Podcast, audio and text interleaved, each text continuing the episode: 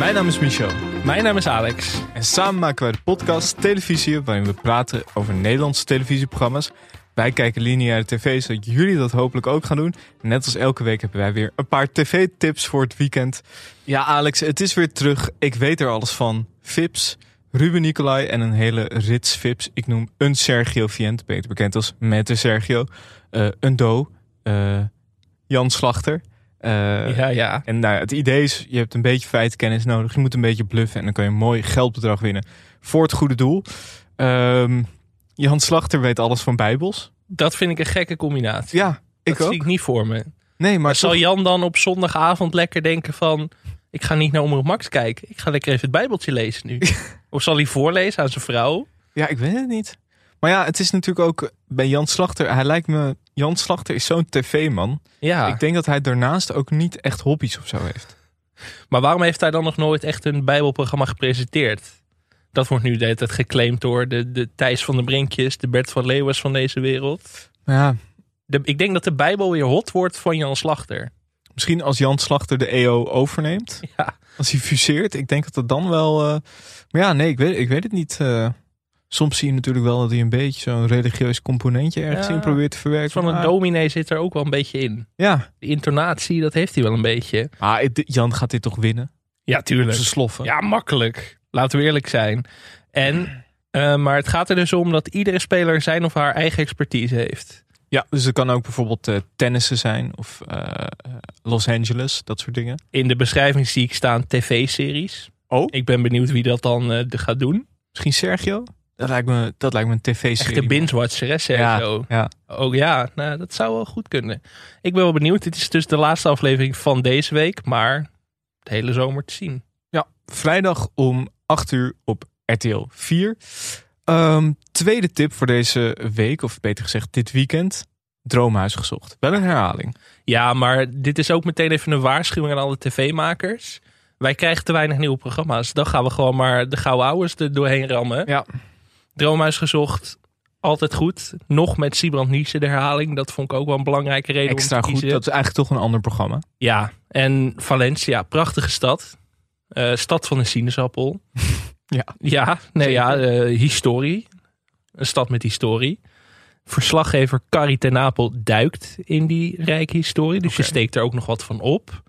En we gaan met Siebrand mee met de vriendinnen Marit en Charo op zoek naar hun nieuwe perfecte stekkie. Oké. Ik eh, ben heel benieuwd. Is het niet Charles? Ja, Beetje Spaans. ik, denk- ik denk het. Ik weet het niet. Ik vind het altijd leuk. eh, die herhalingen van Droomhuis gezocht doen ze vaker. Er is één aflevering, dan zijn ze in Cuba. En die is ongeveer al honderd keer uitgezonden. Heb je dat? Carrie gaat dan zo'n eh Cubaanse sigaar ook roken. Maar echt, dat is eigenlijk... Als ik het zou moeten schatten, zeven op de tien afleveringen van Droomhuis gezocht zijn die aflevering. Ik weet niet hoe dat kan. Of misschien was het niet Cuba. Misschien het was in ieder geval Carrie ten Apel met een hele grote Cubaanse sigaar. En dat zie je gewoon de hele zomer waarschijnlijk voorbij komen. Ehm, maar nu dus in Valencia.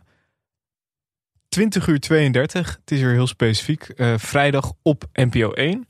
En tot slot de derde tip. De kok en de directeur. Wat is dat? Goeie vraag, Michel. Ehm, een programma waarin een kok en een directeur op reis gaan. Zo kun je het samenvatten. En dan niet de minste koks en directeuren. Taco Dibbets, directeur van het Rijksmuseum. En sterrenchef Joris Beidendijk. Gaan samen op reis om elkaar te inspireren. En als ze elkaar inspireren, dan inspireren ze ons natuurlijk.